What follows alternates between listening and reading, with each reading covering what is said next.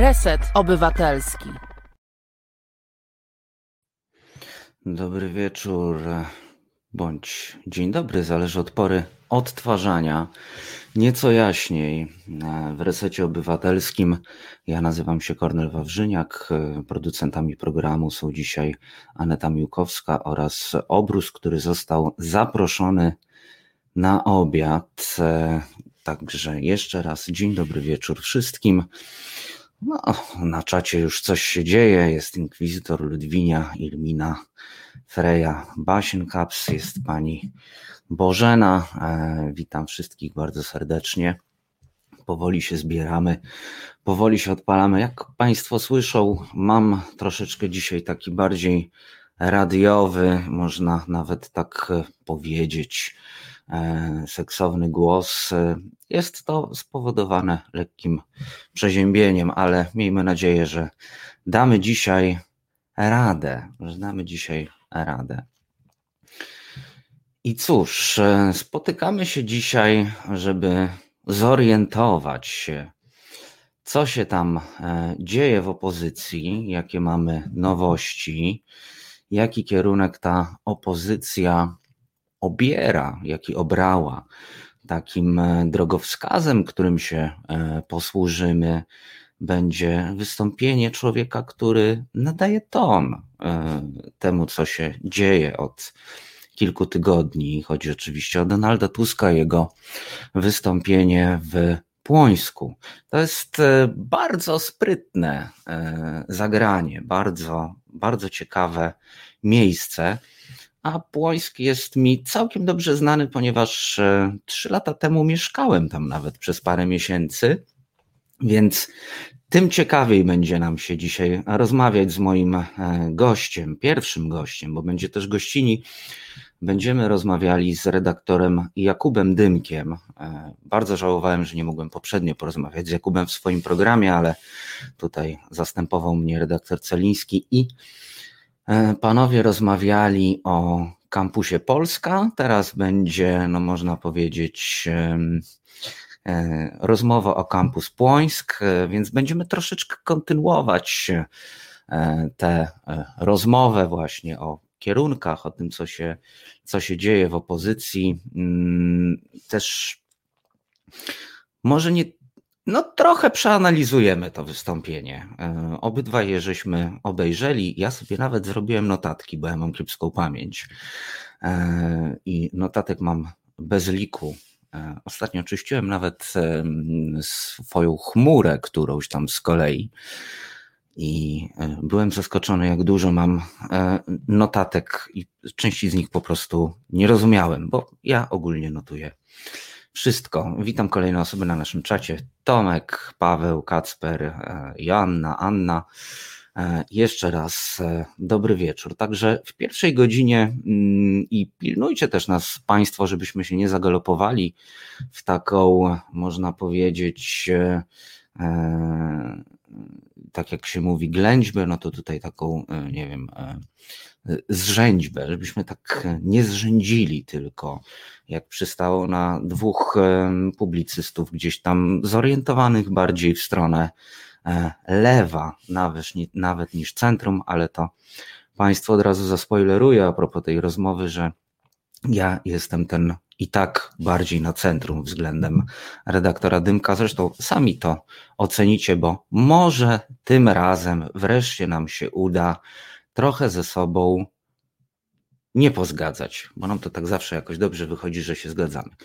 Także w pierwszej godzinie trochę analiza, e, trochę, jak to mówi modna młodzież, rozkmina, przemyślenia a propos tego, w jaką stronę i dlaczego e, zmierza e, platforma, ogólnie koalicja, opozycja to w pierwszej godzinie. W drugiej godzinie połączymy się z redaktor Karoliną Kowalską e, z Rzeczypospolitej mm, i będziemy rozmawiali o tym, jak długo postoi Białe Miasteczko 2.0.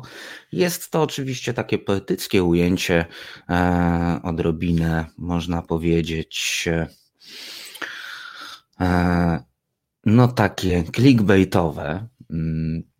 Bo oczywiście chodzi o to, że będziemy się też zastanawiać z redaktor e, Kowalską, która jest naprawdę wybitną specjalistką, wybitną redaktorką, jeśli chodzi o, e, o sprawy w ochronie zdrowia. Będziemy się zastanawiali nad e, różnymi scenariuszami, nad tym, co się stało również dzisiaj a propos jednej z grup ratowników medycznych, którzy byli na rozmowach w Ministerstwie Zdrowia. E, o tym wszystkim będziemy rozmawiali. Będziemy rozmawiali o takiej również, e, ja to tak nazywam, niebrudnej, e, niebrudnej, brudnej właśnie, brudnej, nieczystej. O, to miałem, tak mi się skomasowało, widzicie Państwo. Nieczysta, a brudna wyszła niebrudna, czyli czysta. A chodzi właśnie o nieczystą. Chodzi o taką nieczystą e, grę którą e, rząd, e, mam wrażenie, będzie prowadził i która jest dobrze nam wszystkim znana. Chodzi po prostu o to, żeby rozbijać kolejne, e, kolejne grupy, więc nawet jeśli w grupie mamy ratowników, pielęgniarki, fizjoterapeutów, radiologów, medyków, lekarzy, lekarki, myślę, że może tak być. Zweryfikujemy to z redaktor Kowalską po 20 że te grupy będą po prostu osobno rozgrywane. Taki chciałem być sprytny i proroczy. E, państwu to dzisiaj mówiąc, a zaskoczyła mnie wiadomość, że ta gra już się dzieje. I o tym, ale nie tylko o tym, e, będziemy, będziemy rozmawiać e, po 20 z redaktor Karoliną Kowalską z Rzeczpospolitej, z Dziennika Rzeczpospolita. Zaglądam na czat. Andrzej Dousinsiul Złoty się z nami przywitał. Jest jeszcze Elżbieta, Marek, Regina. Andrzej pisze, po gustawnym przyjęciu redaktora Mazurka zaryzykowałbym stwierdzenie, że opozycja na wiejskiej raczej nie istnieje. Nazywanie partii walczących o władzę opozycją jest moim skromnym zdaniem nadużyciem. I myślę, że o tym też porozmawiamy z naszym pierwszym gościem, jakim będzie redaktor Dymek. No bo to fajna impreza musiała być. I tu wiecie Państwo, w pierwszym rzędzie, e, w pierwszym rzędzie najpierw w Płońsku siedział, e, siedział, e, siedział Budka, potem pił u Mazurka wódkę. To już takie trochę hajku nawet mi wychodzi. Wiecie Państwo w każdym razie, mm, jak jest. No myślę, że to też nie jest jakieś odkrywcze stwierdzenie, że część po prostu e, dziennikarzy e, i polityków. Można to traktować w takich, to na razie nie jest ocenne, co mówię, tak? E, ale można, można tak o tym myśleć i można to tak traktować, że jednak politycy i dziennikarze w pewnym sensie są jakimiś tam koleżankami i kolegami z pracy, bo my jednak z tymi ludźmi też rozmawiamy. Ale, co zresztą poruszył e, redaktor Krzyżaniak e, u siebie na Facebooku, są też pewne granice. Są też pewne granice wszystkiego. Nie mnie oceniać, czy mm, e, redaktor Mazurek tutaj przekroczył, czy nie, jakieś granice etyki dziennikarskiej. Myślę, że na tym dużo lepiej znają się moi starsi, starzem koledzy i koleżanki. E, w redakcji, którzy na pewno się do tego odniosą albo już się odnieśli. E, ja troszeczkę przez to przeziębienie też nie czuję się na siłach, żeby dzisiaj się boksować. Zresztą nie wiem, czy miałbym akurat odwagę boksować się z Mazurkiem tet tet, ale to na inną, e, na inną przypowiedź. W każdym razie, jeśli interesuje ogólnie Państwa trochę sylwetka mm, redaktora Mazurka, na stronie press PL. E, to jest taka, można powiedzieć, nasza gazeta e, mocno branżowa, mm, dotycząca po prostu mediów. E, w 2018 roku bodajże, teraz trochę zaktualizowano, jest sylwetka mm, naszego, naszego tutaj wychodzącego gdzieś z drugiego planu redaktora, tego bohatera tej mojej lekkiej ględźby na początek programu. E, I tam można się bardzo ciekawych rzeczy dowiedzieć e, o tym człowieku. Nie tylko, że zna się na winie, ale też e, przedstawiona jest bardzo dokładnie, jak to w gazecie branżowej. Press bardzo dokładnie przedstawił, jak, jak wyglądała kariera redaktora Mazurka. No i myślę, że możecie, możecie Państwo zajrzeć, jeśli jesteście zainteresowani, i też w jakiś sposób będzie to taki materiał do e, przemyśleń. Jeśli chodzi o Państwa komentarze, bo tutaj też widzę, e, e, że i też odnosząc się do tego, co pisał Andrzej na czacie, no jest, jest chyba jednak tak, że no po prostu na wiejskiej siedzi pewna grupa osób i niezależnie od tych barw partyjnych po prostu po prostu, e, po prostu się dobrze zna i tak dalej. No dobrze, proszę Państwa, jest 19.13, e, przynajmniej kiedy gramy program na żywo. Za chwilę połączymy się z redaktorem Jakubem Dymkiem, a teraz poprosimy Piotra, żeby zagrał nam e, coś, coś fajnego, trochę też na rozbudzenie. E, szczególnie mnie z tym lekkim zakatarzeniem. Znudzeni mainstreamowymi newsami? Czas na reset obywatelski, zaangażowane dziennikarstwo. Wracamy do programu Nieco Jaśniej. To już 43 odcinek e, naszej przygody na kanale Resetu Obywatelskiego, a już niedługo również w streamingu. A jak dobrze pójdzie, to również e, z obrazem za jakiś czas i to już z własnego studia. Przypominam o naszej zrzutce, która już za kilka dni się kończy. Zebraliśmy już ponad 30 tysięcy złotych z 35, które potrzebne są nam na budowę. Wszystkim, którzy do tej pory nas wsparli, bardzo dziękuję.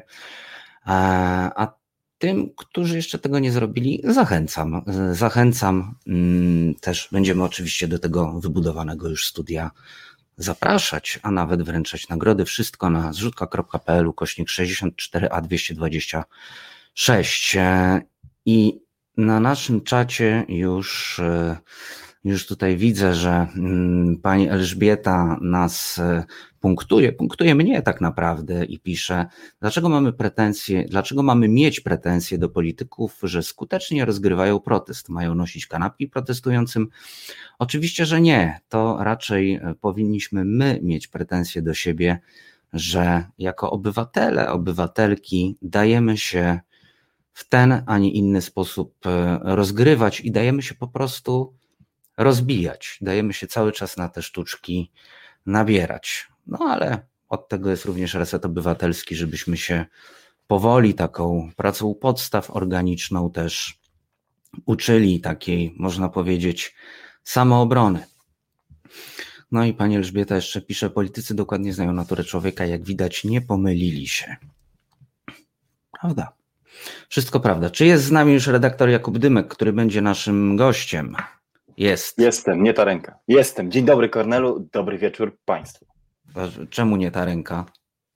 No bo chciałem się zmieścić wiesz, w ten właściwy e, fragment kadru, w którym więcej siebie widzę, a wyszedłem poza kadr. E, zupełnie jak politycy poza swoją rolę na sławetnych urodzinach parę dni temu, nieprawdaż? No, powiem ci, ja bym wolał, żeby Mazurek, nie wiem, jakichś kolegów zaprosił z innych mediów, na przykład nas. Obawiłbyś się dobrze w takim gronie? Ja bym właśnie może dla odmiany poczuł się zobowiązany odmówić, bo nie wiem, czy chciałbym znaleźć się w tym klinczu między Sławkiem Neumannem z jednej strony, a ministrem Szumowskim z drugiej. Może wtedy byłbym rzeczywiście zmuszony powiedzieć obu panom szczere i gorące pas. Nie tym razem. Wiesz, tak e, myślę sobie, że też bym był zakłopotany. E, to dosyć mocno. Ma... Szczególnie byłbym zakłopotany, bo tak bym nie kusiła, żeby tak o coś zapytać, ale jednak wiesz, to jest wtedy takie środowisko, że wódeczka, że po pracy, oddawanie moczu na drzewo. Ja jestem jak najbardziej zwolennikiem, jak wiesz doskonale, dialogu ponad politycznymi barykadami, ale nie każda jego forma jest e, być może e, równie wartościowa i równie produktywna. Niektórym warto odmówić. Może tak, e, a może jesteśmy już po prostu tak, wiesz, spolaryzowani i nie potrafimy się dobrze bawić. O, to, co to, to nie. Ja, mój drogi, ja, mój drogi, widziałem całkiem niedawno nawet prezydenta miasta stołecznego Warszawy, e, Rafała Trzaskowskiego, w szale tanecznej zabawy i powiem Ci, że traktuję to jako e, dostąpienie jednak takich e, prawdziwie funkowych wyżyn having a good time, znaczy dobrego czasu, więc przez sam fakt, że nawet bawiłem się tak przez zapośredniczenie, to znaczy widząc jak inni dobrze się bawią, uważam, że jeszcze nie jest ze mną aż tak źle. No ale wiesz, no. Trzaskowski jednak lubi słuchać e, funka, wiesz, e, Jamiroquai'a, to e, myślę, że myślę, że tutaj e, Trzaskowski nie pozostawia wątpliwości. No dobra, słuchaj. Kto by, kto by nie zatańczył z prezydentem Warszawy, też niech pierwszy rzuci kamieniem. No. Można wybrzydzać na urodziny, prawda, dziennikarzy z politykami, ale gdyby tym politykiem, no właśnie nie był Łukasz Szumowski albo Borys Budka, tylko właśnie sam prezydent miasta stołecznego Warszawy, to wtedy opinie naszego dziennikarskiego środowiska byłyby dużo bardziej radykalnie podzielone, wtedy być może nie bylibyśmy aż tak e, krytyczni, bo perspektywa zabawy byłaby też inna.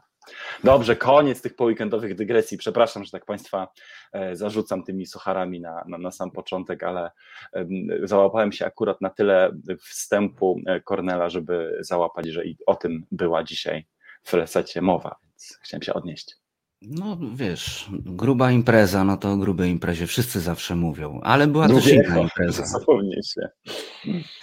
Była też inna impreza, była impreza w Płońsku. E, mówiłem już tutaj e, resetariankom i resetarianom. Stypa bardziej? Dobra, no. E, zaraz ustalimy, co to było. W każdym razie wiesz, już tu wspominałem, ja w Płońsku trzy lata temu mieszkałem, prawie pół roku tak w ogóle, więc uważam, że bardzo sprytne miejsce, jeśli chodzi o taki.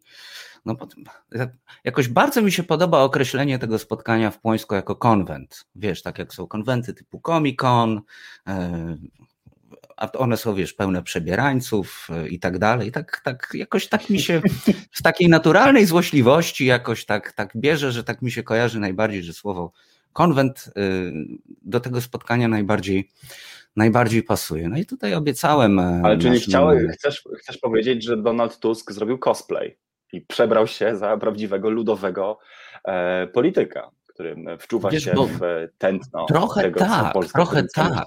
Hmm? Trochę tak, no bo wiesz, jednak to opowiadanie o matce, która robiła na chlebie znak krzyża i myślę sobie tak, ja znam tych ludzi, ja znam to miejsce, moi dziadkowie tam e, mieszkali całe życie, właściwie dorosłe przynajmniej i powiem ci, że to był w ogóle, Płońsk był w ogóle bastionem, e, od zawsze był bastionem PSL-u. No, do hmm. ostatnich wyborów. To był zawsze bastion PSL-u. Tam zawsze wygrywali ludowcy. E, PiS ich tam zaczął odpowiednio e, dobrze rozgrywać w pewnym momencie, ale dziś nie o tym. I myślę sobie, no, przygotowali się. Tym razem się przygotowali, wiesz, ale to, co mnie ciekawi, i tak chciałem cię jakoś tak młodzieżowo-facebookowo mówić, chociaż to chyba już taka starsza młodzież siedzi na Facebooku, bo młodsza na TikToku jednak, ale tak myślę sobie, zgubiłem wątek. Mm, a, już wiem. Słuchaj, mówiliśmy... Konwent PSL. Płońsk, konwent PSL. E, ale słuchaj, przychodzi Tusk i mówi tak, no że jednak no jesteśmy w Płońsku celowo. E, bardzo długo nie wymieniał innych małych miejscowości, tylko mówił Płońsk, Warszawa, Gdańsk, Szczecin. Muszę sobie przypomnieć. Tak trochę się martwiłem, że nie pamięta innych, ale potem, potem wymienił. Tam, tam przy końcówce już wymienił. E, rzeczywiście mniejsze miejscowości. Mówię, a rozmawialiśmy o tym. Rozmawialiśmy o tym takim niedostrzeganiu przez e, polityków, w tym skoncentrowaniu się na większych miastach, na Warszawce i tak dalej. A tutaj patrz, i Tusk, i Trzaskowski, taneczny Trzaskowski siedzą w Płońsku i mówią: Jesteśmy u Was, jesteśmy w tym mieście około 30 tysięcy mieszkańców, nie możemy zapominać o tych miastach i o tych wsiach. Czyli patrz, musimy im wysłać rachunek. Jednak oglądali. Ach, gdyby ten taśmociąg ideowo-polityczny działał tak sprawnie, że wystarczyłaby jedna, nawet tak dobra, jak nasza rozmowa, żeby kogokolwiek w polityce, a szczególnie w Platformie Obywatelskiej do czegoś przekonać, to rzeczywiście żylibyśmy w lepszym świecie. Ale rozumiem, że pijesz do czegoś szerszego, to znaczy do pytania o to, czy w Polsce rzeczywiście mamy jakiś małomiasteczkowy zwrot, znaczy jakiś pivot ku prowincji, albo jak jeszcze inaczej kreatywnie polityczni marketerzy chcieliby to nazwać. I to jest pytanie z Twojej strony jak najbardziej zasadne. Mamy go czy nie? Czy jest to rzeczywisty zwrot, który uruchomiło kilka różnych tendencji. Możemy o tym dłużej porozmawiać, bo i mapa wyborcza, i to, że trochę publicystyka dzisiaj zaczyna inaczej wyglądać, i na pewno też e, bardzo dobrze oceniana książka Marka Szymaniaka Zapaść e, o małych miastach swoje zrobiła. Czy też to wszystko wcale nie ma nic wspólnego z większym politycznym zwrotem, a jest e, wyłącznie fabrykacją, e, PR-ową ustawką i sygnalizowaniem. E, jest takie anglojęzyczne określenie sygnalizowania cnoty, virtue signaling, i takim sygnalizowaniem słuszności czy pojętności w polskim kontekście. I myślę, że o tym rzeczywiście warto porozmawiać. No dobra, to mamy taki zwrot, czy jednak marketing? Ja mam powiedzieć, tak? Znaczy, ja mam zagaić, e, zagaić główne zagadnienie rozmowy i od razu wszystko spalić, odpowiadając tak lub nie. Nie wiem, czy powinienem e, e, na to sobie, sobie pozwolić. E, ale spróbujmy. E, nie, myślę, że nie mamy do czynienia ze zwrotem ku polskiej prowincji e, na reszcie opozycji, to znaczy, mm, albo inaczej, wśród całej antypisowskiej opozycji, choć mamy do czynienia zarazem z jakąś świadomością przynajmniej, bo tego nie da się im odmówić, że coś takiego byłoby konieczne. Znaczy, rzeczywiście, że należałoby pokazać się w Płońsku, E, Ostrołęce, Garwolinie, nie wiem, Bolkowie, prawda? Albo jednym z e, tych, tych w ogóle 200 ponad miast, ponad 10 tysięcznych, które, które mamy w Polsce. Więc coś im rzeczywiście świta, że takie ośrodki istnieją, że należy do nich pojechać, że trzeba um, spłacić taki trybut wobec politycznej przyzwoitości i powiedzieć: OK, coś w ciągu tych 30 lat na polskiej prowincji rzeczywiście nie wyszło. Przyznajemy się do tego, że być może ten scenariusz skoku e, naprzód e, Polski, cywilizacyjnego awansu, e, który widzimy we Wrocławiu, w Sopocie, w Poznaniu czy Krakowie, nie miał miejsca w otaczających te wielkie metropolie małych miasteczkach. Ale tutaj cały czas, i proszę się ze mną kłócić, jeżeli się Państwo nie zgadzacie, e, rozmawiamy cały czas o retoryce politycznej, to znaczy o tym, co kto wyłącznie chce dziś powiedzieć, do czego chce się lub nie chce się przyznać. Ale wiemy, a już na pewno wiemy to na antenie Resetu i w tym programie, że między retoryką polityczną, a między tym, jak polityka wygląda, y, jest cała olbrzymia przepaść. To znaczy, to, czy jakaś partia rzeczywiście coś dla prowincji, e, dla mniejszych miast, dla tych pozametropolitarnych e, ośrodków jest w stanie zrobić czy nie, absolutnie nie zależy od tego, co ona mówi, E, ale od tego, czy ma program, ideologię, która jest, która jest uwrażliwiona w ogóle na, na takie zjawiska, czy myśli o nich strukturalnie, czy ma tam w ogóle swoich przedstawicieli, czy oni są aktywni, co oni w tych miastach, miasteczkach i wsiach robią i czy z tego wszystkiego jeszcze wynika jakaś recepta. I z tym drugim, jak wiemy, jest dużo gorzej. Ja zaraz też zresztą pozwolę sobie przejść do największego paradoksu występu Donalda Tuska, ale na razie postawię na tym kropkę to znaczy, zgódźmy się o tyle, czy taka jest moja propozycja, żeby tak to sobie tak to sobie na dzisiaj ustawić. Mamy do czynienia ze zwrotem w świadomości polityków, czyli z tym, że oni wiedzą, że trzeba jednak e, pojechać gdzieś poza. Plac Zbawiciela, e, Plac Defilat, Plac Konstytucji i ten plac, co zawsze mi się myli, gdzie jest Nowogrodzka, pomóż mi Zawiszy, e, tak, tylko, tylko tak, tylko jeszcze ten, ten, ten, ten taki wąski, ciasny rewir Warszawy między Górnym Mokotowem i Żoliborzem rozszerzyć jako swój w ogóle horyzont pojmowania Polski. Ale razem z tego, że oni to wiedzą, wcale nie wynika jeszcze, że wiedzą, co z tym zrobić i y, że zrobić to umieją. No i widzisz, ja się nam tutaj tobie teraz trochę sprowokować. Odwołam się do tego, postawię się w roli tego naiwnego mm, który sobie to obejrzenie Tuska dosyć dokładnie obejrzał bo jednak Tusk mówił o, o tym, że wiesz, trzeba zdecentralizować władzę, mm, żeby ta władza wróciła do samorządów. W samorządach oczywiście w domyśle ma wygrać Platforma, i już mówił, no i tutaj nas właśnie prezydent Płońska zaprosił, no i, no i wiecie, no i to jest jakiś dowód na to, że my wiemy, co mamy robić. Jakby taki idzie z tego przekaz. Czyli receptą jest po prostu wygrana platformy. Aha, tak, oczywiście. No, która, która partia nie uważa, że jej wygrana jest receptą na problemy Polski? No, gdyby tak nie uważali, to chyba w ogóle nie powinni bawić się e, w politykę. I tu czekaj, e, bo mi ucieknie jeszcze jedna rzecz, ale potem też, y, potem też y, Tusk bardzo ładnie chciał wybrnąć, wiesz, e, z tych oskarżeń o to, że oni nie mają ciągle programu.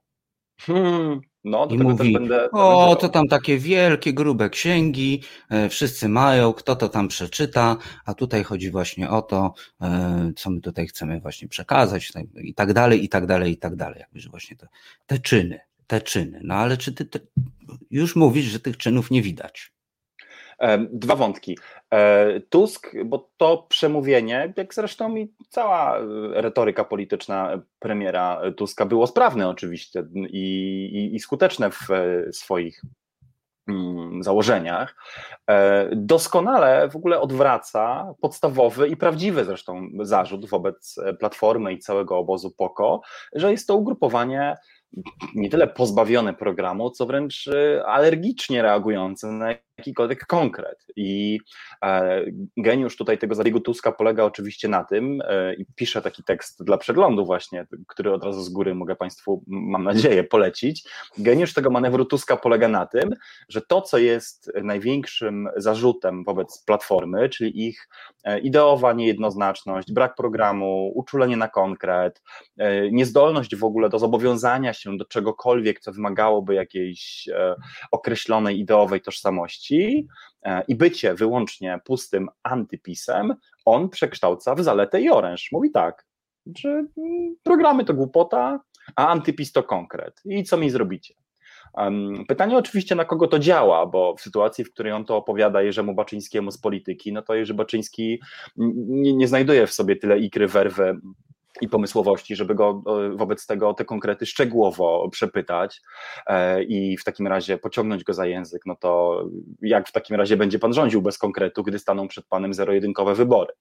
Na przykład y, skąd brać energię w Polsce, albo czy zamykać kopalnie, czy nie, to wtedy też pan powie, że antypis y, jest odpowiedzią, tak, na pytanie węgiel czy gaz? Antypis, dziękuję. No ale Jerzy Baczyński tego nie robi i w ogóle cała klasa y, jakby taka komentariacka, która sympatyzuje z Platformą tego nie robi, no i tego też trochę raczej nie zmienimy, chociaż możemy to, to naszym kolegom i koleżankom wytykać. Ale z tego wynika właśnie skuteczność tego manewru. Czy można powiedzieć, jak się okazuje, można powiedzieć, no właśnie tak, czy programy to jest jakaś bójda dla e, wykształciuchów, tych inteligentów i tej całej klasy zblazowanych e, komentatorów z Warszawy, bo oni się interesują jakimiś programami, a odsunięcie PiSu od władzy to jest konkret. Prawdziwa rzecz, prawda? Albo PiS rządzi, albo nie rządzi, my tu mamy konkret. Natomiast oczywiście pod, pod tą pozłotką kryje się dalej to samo co zawsze, czyli kompletna, głucha, uderzająca pustka, e, która, którą najlepiej chyba obrazuje taki fundamentalny paradoks. I teraz do tego przejdę, tego, tego pytania o program i dyskusji o programie, jaka była w Pońsku. Otóż Donald Tusk, jakby uciekając trochę od, właśnie próbując uciec od tych pytań o e, niejasność i brak e, programowych, społecznych propozycji Platformy, mówi coś takiego. Chcemy, żeby dostęp do usług publicznych w takim Płońsku był taki sam albo porównywalny z Warszawą, Poznaniem czy Gdańskiem. No i teraz mhm. zróbmy chwilę sobie na oddech, znaczy taką pauzę.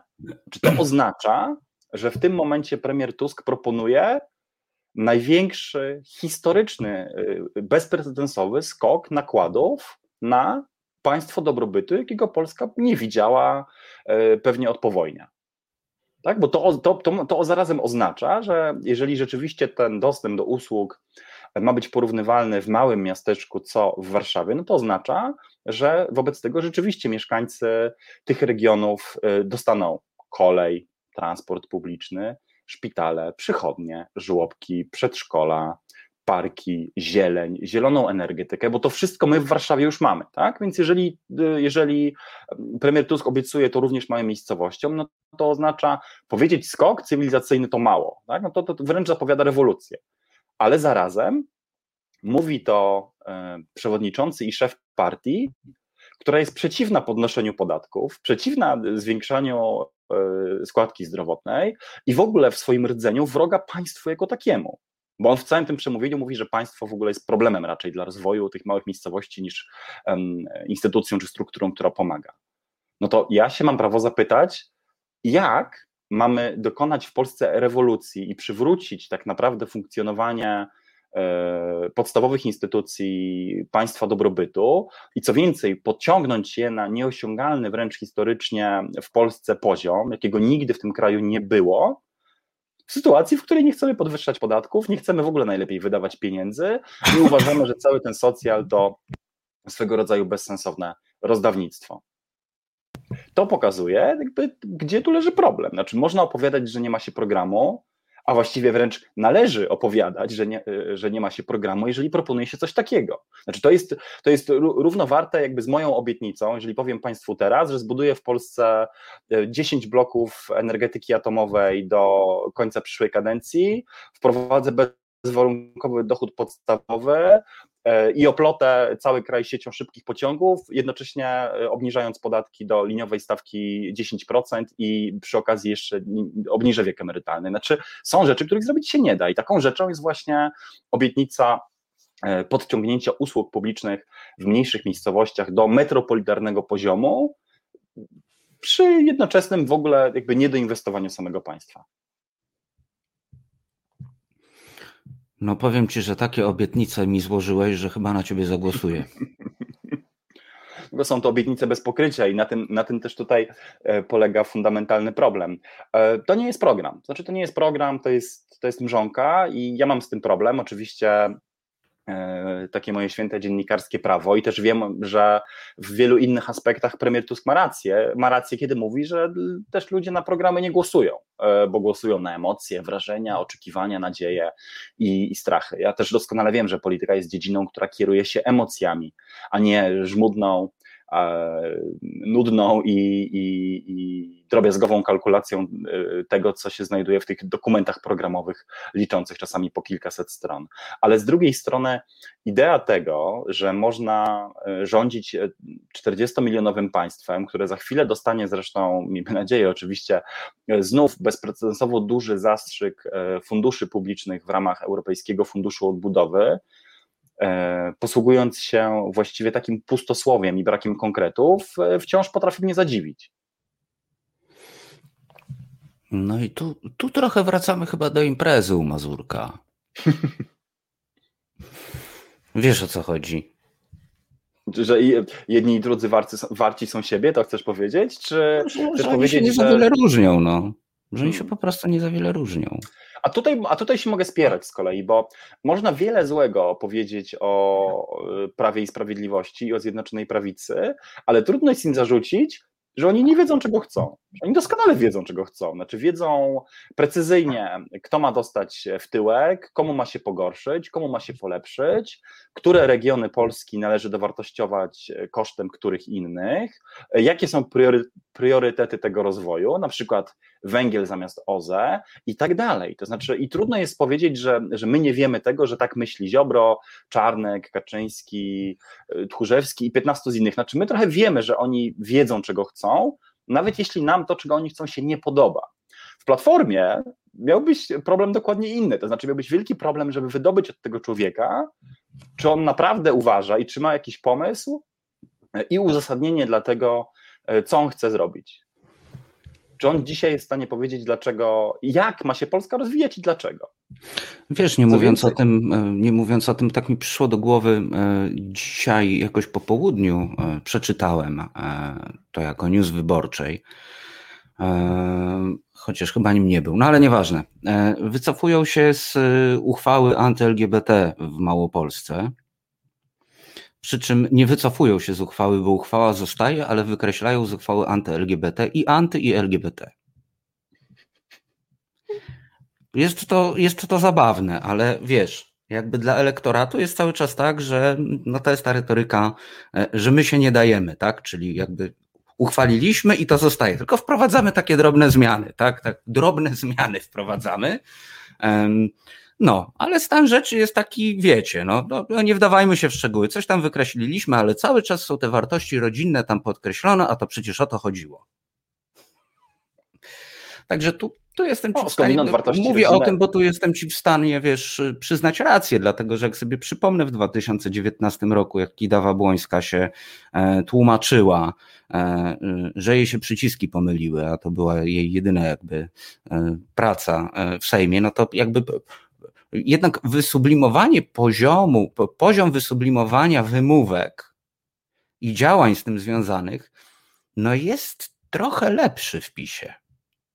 Wiesz co, możemy oczywiście o wysublimowaniu dyskutować, ale mi chodzi chyba nawet o coś prostszego. To znaczy, PiS ma diagnozę Polski, właściwie mają Jarosław Kaczyński. Tak, on ma tą diagnozę Polski niezmienną od pewnie ćwierćwiecza. Znaczy uważa, że polska gospodarka jest zbyt uzależniona od Niemiec, że e, kapitał w ogóle z Polski jest drenowany, e, sitwy rządzą e, w Polsce wszystkim, a uzyskanie jakiejś takiej suwerenności gospodarczej, politycznej, ideologicznej względem Unii Europejskiej jest nawet nie tyle postulatem e, politycznym, co jakimś warunkiem rozwoju. To znaczy, że, że Polska się w ogóle może, będzie mogła tylko rozwijać, jeżeli sama będzie w stanie warunki tego rozwoju określać. No i te warunki też są jakoś konkretnie wymienione, znaczy energetyka taka, a nie inna, przemysł bardziej w rękach e, państwowych niż prywatnych i tak dalej, i tak dalej. Ale tu wracamy do tego, no, że Kaczyński tę diagnozę jakoś postawił, znaczy uznał, zobaczył, co się w Polsce dzieje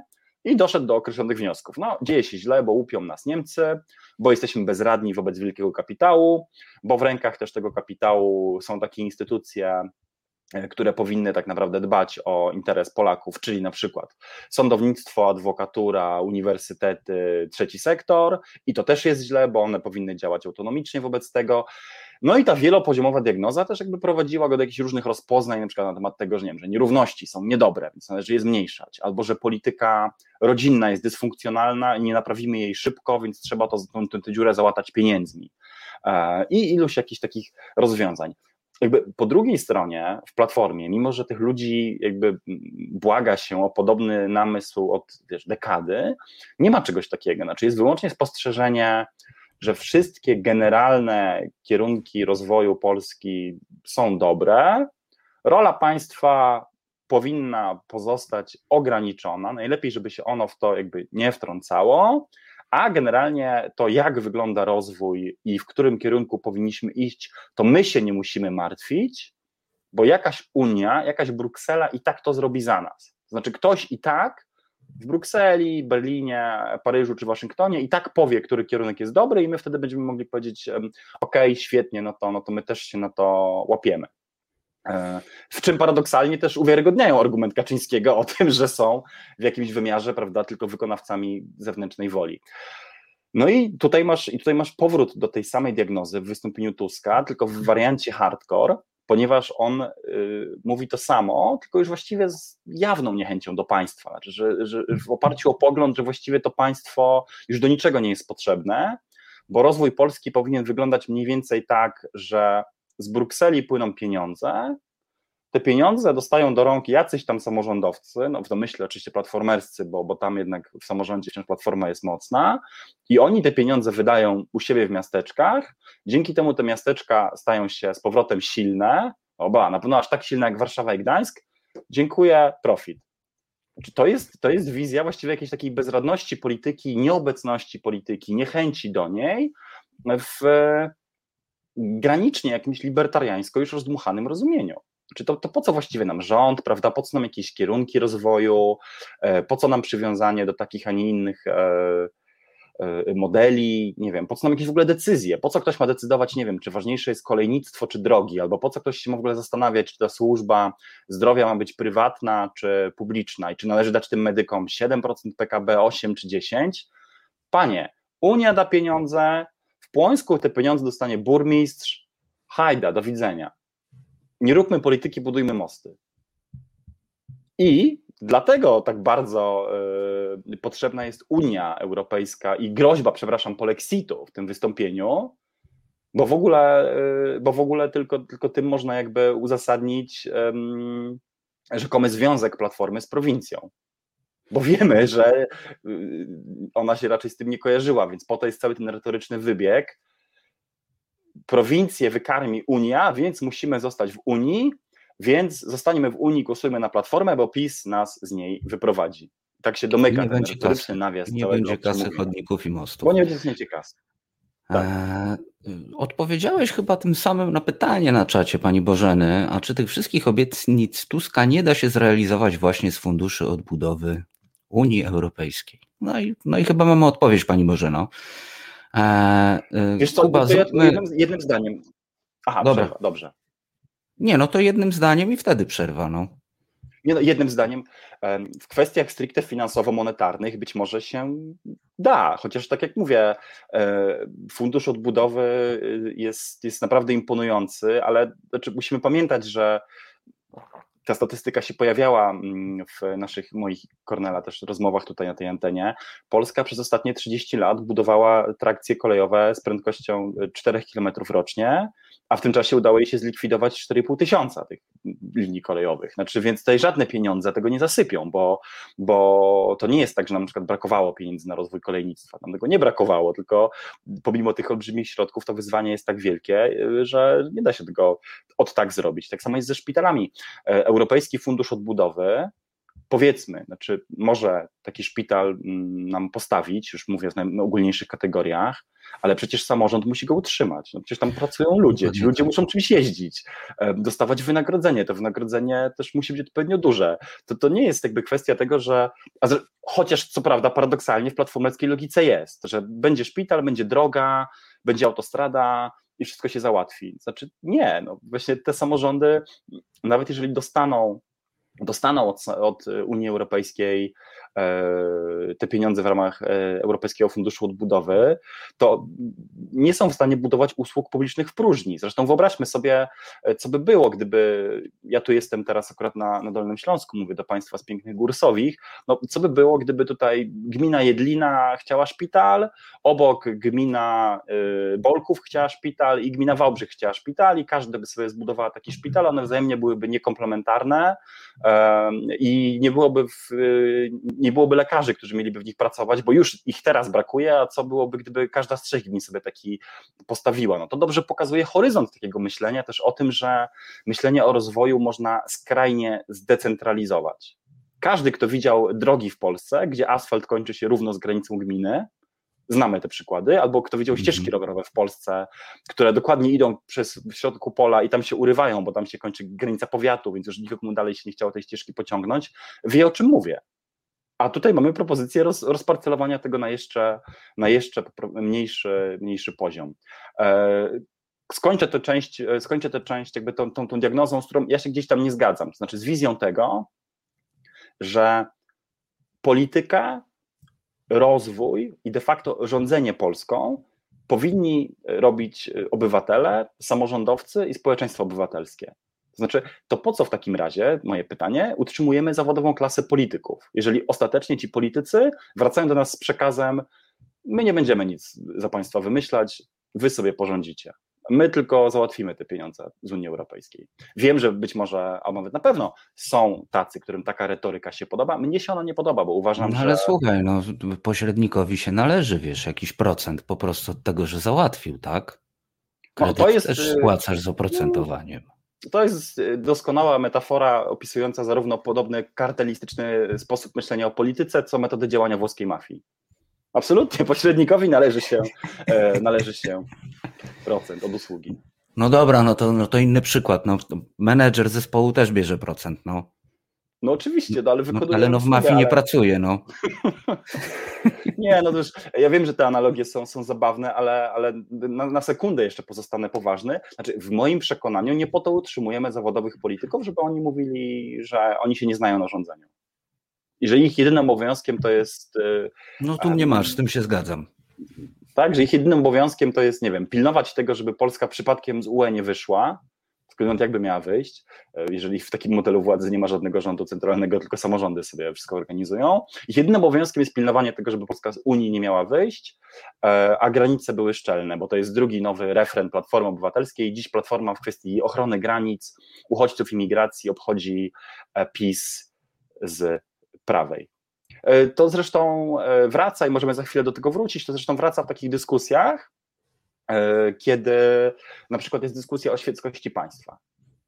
I tutaj też e, politycy, intelektualiści związani z Platformą zaczynają mówić, że no nie, no zwróćmy Kościół wiernym, po prostu państwo się nie będzie do tego mieszać, załatwimy to jakoś w ten sposób. No, że, coś że, no, takiego, tak. Kościół się sam zliberalizuje. I na co wychodzą ludzie oburzeni, bardzo zresztą słusznie, mówią, no nie no, rozmawiamy o świeckości państwa, czyli o tym dokładnie, żebyście wy, czyli politycy, nie robili bardzo konkretnych rzeczy. No nie wiem, nie zapraszali księży na uroczystości, nie dawali gruntów i działek za bezcen, e, żebyście y, nie, nie wiem, nie wprowadzali treści religijnych do podręczników. Znaczy, cała świeckość państwa jest postulatem z gruntu politycznym tak? dotyczącym polityki, rządu, mm -hmm. sfery władzy. A potem wychodzą politycy i mówią, nie, nie, znaczy, cała ta świeckość państwa, moi drodzy, to jest zadanie dla progresywnych katolików i tego, żeby oni ta, taki lepszy kościół stworzyli, no i też do was, drodzy obywatele, no przepraszam, znaczy ja się denerwuję od samego powtarzania tej, tej demagogii, a, a, a mogę tylko domyślać się, jak bardzo denerwują się ludzie, którzy, którym każe się w to wierzyć. Więc again, ja jestem za tym, żeby polityków wynagradzać e, dobrze e, i żeby tą politykę maksymalnie profesjonalizować, ale nie od tego, żeby ci naprawdę też niebiedujący ludzie wracali do mnie z komunikatem: my, my, tutaj nic nie zrobimy, drogi panie. A przemówienie Donalda Tuska było właściwie jedną wielką odą do tego rodzaju myślenia. Tam się pojawiała zresztą taka diagnoza wskazująca, że w Polsce wspólnoty lokalne czyli jakieś tam właśnie samorządy, małe miasteczka, sołectwa, nie rozwijają się, bo przeszkadza im w tym państwo. I przez to ci ludzie muszą uciekać z takiego, nie wiem, Płońska, Piszu, Prudnika, że same miasteczka na P wymienię, e, bo państwo im coś jakby e, tutaj przeszkadza w rozwoju, bo gdyby nie państwo, to te miasta by działały e, doskonale, no ale to jest absurd. To właśnie przez absencję państwa tam się nic nie dzieje, bo ktoś zdecydował, że należy zlikwidować fabrykę, linię kolejową, przystanek autobusowy, przychodnie czy sąd i struktury tego państwa były tam nieobecne i te samorządy zostawiono samym sobie, więc jest dokładnie odwrotnie niż mówi Tusk. To nie przez to, że państwo za bardzo ingerowało w życie tych lokalnych wspólnot, tam się źle żyje i że za bardzo, prawda, narzucano się tam tym samorządom z, z ręką państwa, tylko odwrotnie, właśnie dlatego, że państwo jakby absolutnie abdykowało i zostawiło takie miasteczka bez infrastruktury, bez y, sprawnych połączeń kolejowych, albo wręcz aktywnie jakby działało na rzecz niszczenia tych połączeń kolejowych. I teraz jakby mówi się tym samorządowcom, że no, mogliby coś zrobić lepiej. Znaczy jasne, można też w ogóle bardzo wiele zrobić rzeczy lepiej w małych polskich miastach, ale jak takie małe polskie miasto ma fundamentalną barierę do rozwoju, czyli brak dobrej drogi dojazdowej, jakby brak połączenia kolejowego i sensownej infrastruktury, która pozwala mu się rozwijać, na przykład y, pod postacią sensownego budownictwa mieszkaniowego, no to naprawdę ci samorządowcy nie są wszechwładni i nie zrobią nic więcej. Więc zostaje im, to jest świetnie opisane w książce Marka Szymaniaka, więc zostaje im robienie głupot, znaczy robienie festiwalu disco polo, betonowanie rynku, wielkie y, dożynki, pomnik żołnierzy wyklętych. I ci samorządowcy no, robią takie rzeczy, nie dlatego, że są z gruntu źli i mało pojętni, tylko oni robią takie rzeczy, bo właściwie w, re, w rejestrze ich władzy zostają już tylko takie Michałki ostatecznie, że taki, taki samorządowiec może dostać pieniądze unijne na wybetonowanie rynku pod pseudonimem rewitalizacji, ale przecież nie dostanie pieniędzy na to, żeby od podstaw podstawić tam wielką fabrykę, która kiedy kiedyś w takim mieście zatrudniała na przykład 2000 ludzi. No i tutaj mamy kazus Płońska, w którym była fabryka Forda, fabryka Wedla. Dokładnie tak, dokładnie tak w Płońsku było, jeszcze w latach 90., które pamiętam w tamtym mieście. E, wróćmy na chwilę do samego przemówienia Tuska. Ja tam wypatrzyłem taki bardzo ciekawy fikołek, e, a mianowicie mówię o słowach, lecę z głowy, jakby nie chciało mi się notować jeden do jeden, ale Tusk w pewnym momencie powiedział tak, e, że ch chciałby być w zgodzie z tym, co ma w sercu, w głowie i co wyszło z badań. Hmm. I to jest, e, i, i to jest świetne jakby obejście, e, bo chodziło oczywiście o sytuację na granicy i to jest świetne obejście bez odwoływania się do tego, że mówimy konkretnie e, o sytuacji, tylko tak trochę się odwołujemy i płynnie przechodzimy do tego, jakimi jesteśmy chrześcijanami. I jako Polacy, i że większość Polaków i tak dalej. I tutaj zauważyłem taką rzecz i zobaczymy, na ile się ze mną zgodzisz, a ile nie ale najpierw taka uwaga ode mnie. Dwa razy padło, że chcemy przecież reprezentować większość w tym przemówieniu. E, no i tak e, widzę, że ma taki e, dosyć dwuznaczny kontekst. No bo z jednej strony jest to bazowanie na takim wypracowanym w dyskursie, tym takim popularnym, mainstreamowym, mówienie o tym, że PiS wygrał E, ale to mniejszość go wybrała. To jest jakby pierwszy taki zabieg retoryczny, czyli że tam, no to jest takie odwołanie do tego, że zmobilizowaliśmy moherowe berety i tak dalej, i tak dalej, i tam, e, a tyle osób tylko poszło na wybory, więc rządzi, e, więc rząd wybrała tam mniejszość, tak? Druga rzecz, to jest właśnie to takie odwołanie do tego, że my wszyscy tacy jesteśmy katolicy, chrześcijanie, całujemy ten chleb, e, jest ta swojskość taka w tym wszystkim. I tu się zacząłem zastanawiać, że Platforma się chyba jednak zaczyna mocno obawiać, e, że ucieknie im ten elektorat taki mocno konserwatywny. Um tak, zacznijmy od tego, że ja staram się unikać mówienia e, o współrodakach per elektorat i jakoś tak szukam zawsze synonimów, e, ale jasne jest z tego, że Platforma, i znowu to nie jest głupi plan politycznie, też zaznaczmy, znowu on może mi się nie podobać albo może budzić moją złość, ale on nie jest niemądry. Platforma, a konkretnie przewodniczący Tusk, postanowił wyalienować i zepchnąć na margines lewicę. Uznając, że po pierwsze lewica popełniła tyle błędów wizerunkowych, że jest to łatwe, że będzie kojarzyła się z radykalizmem, e, oszołomstwem, nie wiem, krzykactwem i że, i że tym, tym łatwiej będzie mu to zrobić, ale po drugie uznał, że, i to też znowu nie jest pozbawione podstaw, że głosy wyborców lewicy on ma de facto w kieszeni, znaczy, że zawsze ukradnie stamtąd kilka procent, czego by nie zrobił, więc właściwie walką o tych wyborców na serio, znaczy walką o ich sumienia, poglądy, i duszę nie musi się kłopotać.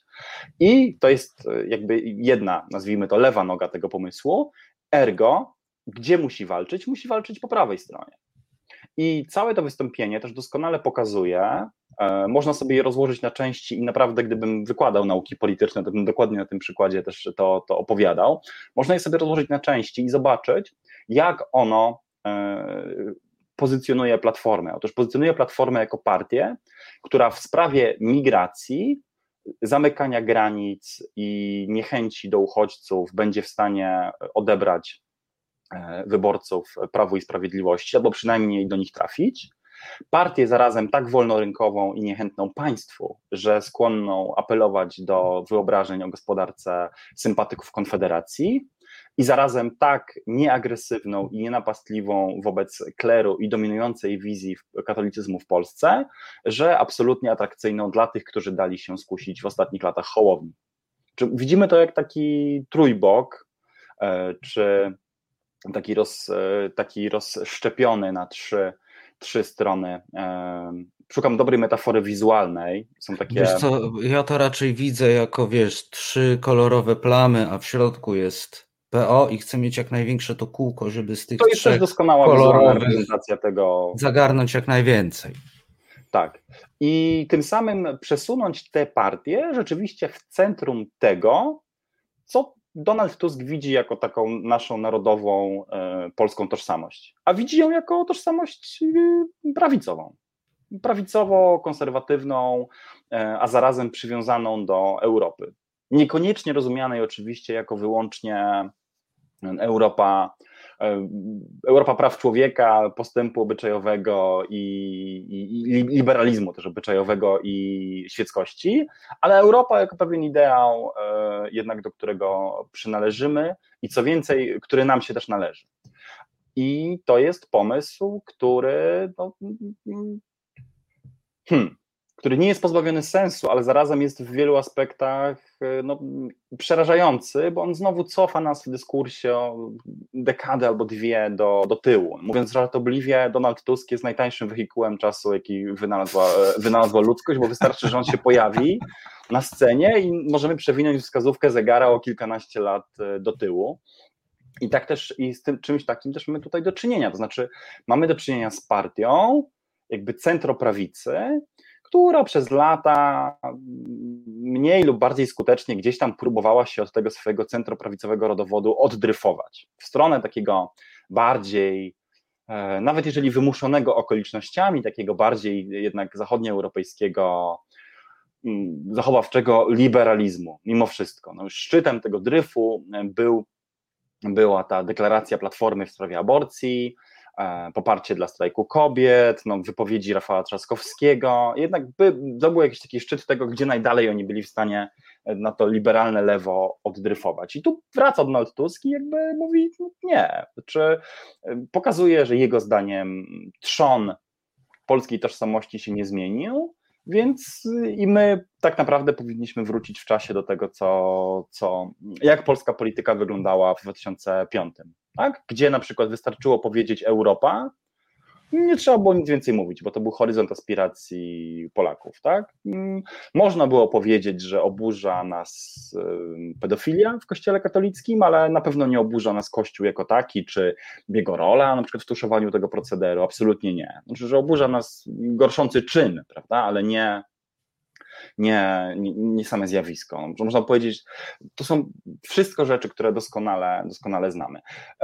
No i tutaj rzeczywiście y, wracam do kwestii migracji, w tym sensie, w sensie mówienia o tożsamości, granicach, bezpieczeństwie i szacunku do munduru, e, Przemówienie Tuska było przemówieniem kandydata na gubernatora Teksasu w szczycie wojny z terrorem. Znaczy, to nie było przemówienie polityka Widzisz, liberalnego.